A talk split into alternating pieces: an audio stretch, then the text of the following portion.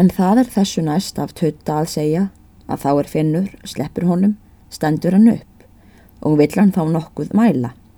En finnur að honum er það svarnað. Grýpur hann þá til steinsins. Þessir finnur hafiði kyrt í munn honum. En steitsá var ekki laus fyrir. Fylti hann álega út í allan munnin og var svo ósleitulega inn rekin að hann með engum móti mátti hann brott færa. Nú þótt honum væri ekki gott í skapi til finns Hugsar hann þó, hvað finnur hafði síðast sagt við hann, að það skildi verða hans bani ef hann gjörði háfaðan okkur. Tekur hann því það er áð að hann gengur til baðstofu og leggst þar neyður í rúmsitt og stenur all þunglega og svo hátt að nokkrir vöknuðu við í baðstofu og kölluðu til hans og fréttu að hvað að honum gengi. En tutta varð ekki greiðilegt um svar og hyrtu menn ekki framar að grænslast eftir hvort honum væri nokkuð meint. Var hann og oft kunnur að greilegum látum. Liggur hann þar svo um hríð uns hann sopnar. Nú er að segja af þeim félugum að þeir stíga á bak hestum sínum og ríða allt hvað þeir meiga til hlýðar. Myrkur var á og niðdema en samt runnu hestarnir vegin eins og albjartan dag. Steinarnir föku úr götunni sem hagl undan hestafótonum og eldglæringarnar tindruðu úr skeifonum. Reðskjótarnir lögðust fast í taumana. Þá er þeir fundu að mennirnir sem sátu á þeim vildu áfram og hendu sig yfir hvern skurð og torfæru sem fyrir varð en greipu svo aftur fimmlega til skeiðsins undir eins og sléttara varð undir fæti. Upp hálsbrekkurnar megum við ekki ríða eins og gapar, því þá sprengjum við hestana, sagði þórarinn. Það skal vera, en varðla mun þér þykja svo stundin of laung sem þú kissir sigrúnu, sagði Finnur, þó við ríðum greitt þar sem við getum. Og í því heyrist hár smellur og er Finnur horfin út í myrkrið og sér þórarinn ekki eftir af honum fyrir en eftir litla stund og hillir þá undir hann hæst uppi á hálsbrekkunni. Nú kemst þórarinn upp hálsin og hvetur þá hest sinn og stendur sá sprettur heim og hlað í hlýð. Stekkur þórarinn af baki og svo þeir báðir. Beður þórarinn finn að hann gjöri vart við þá. Eru finni kunnug þar öll húsakinni og guðar hann á glugga yfir rúmi sigrúnar. Klæðist hún skjótt og kveikir ljós og gengur til dýra.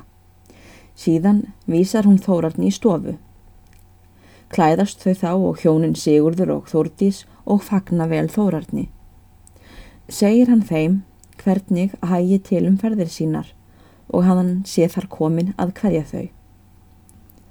Situr þórarinn þar í miklu yfirlæti um nóttina og fer vel á með þeim öllum. Er það verið ágjört að Sigrún skuli sitja í festum um sinn þar til þórarinn hafi fengið aldur, að hann megi vikslu taka og hann fái embætti. Þá skuli hann vitja heitmegar sinnar. Það er aftalað að finnur skuli eftirleiðis koma brefum millir þórarins og þess hlýðarfólks og Sigrún fá honum í hendur bref sín til þórarins en finnur síðan senda þórarni.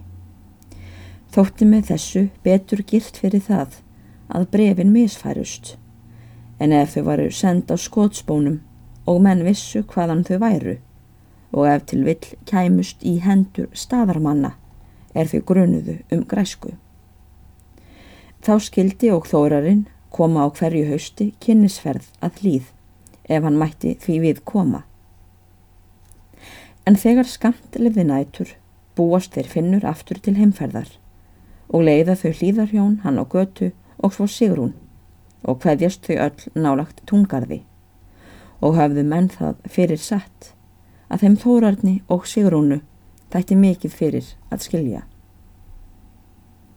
Segir ekki að ferðum þeirra félaga fyrir en þeir koma að stað. Tjóðra þeir aftur hesti sína og ganga til bæjar og sérst á fyrst brún af degi. Þegar þórarinn til herbergi síns og leggst þar niður en finnur gengur til baðstofulofts og að bælið því sem tutti lág í. Stiður hann þá hendi við tutta og vaknar hann við andfælum. Grýpur finnur annari hendi um kjálka tutta og kristir svo fast sem hann má og glennist möður tutta við það mjög í sundur.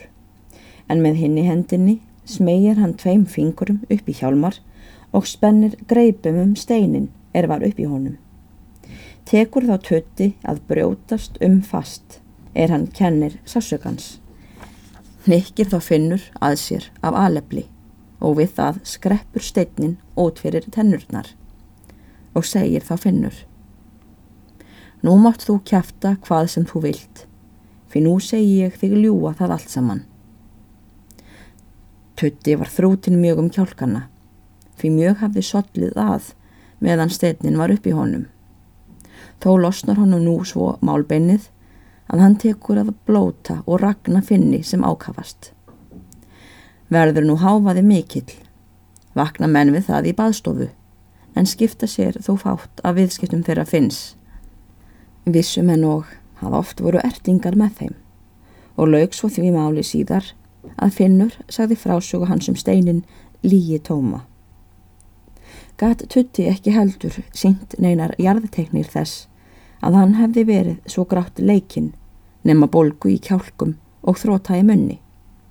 En það sögðu menn að gæti af ymsum orsökum að borið, töldu það og engan skada vera.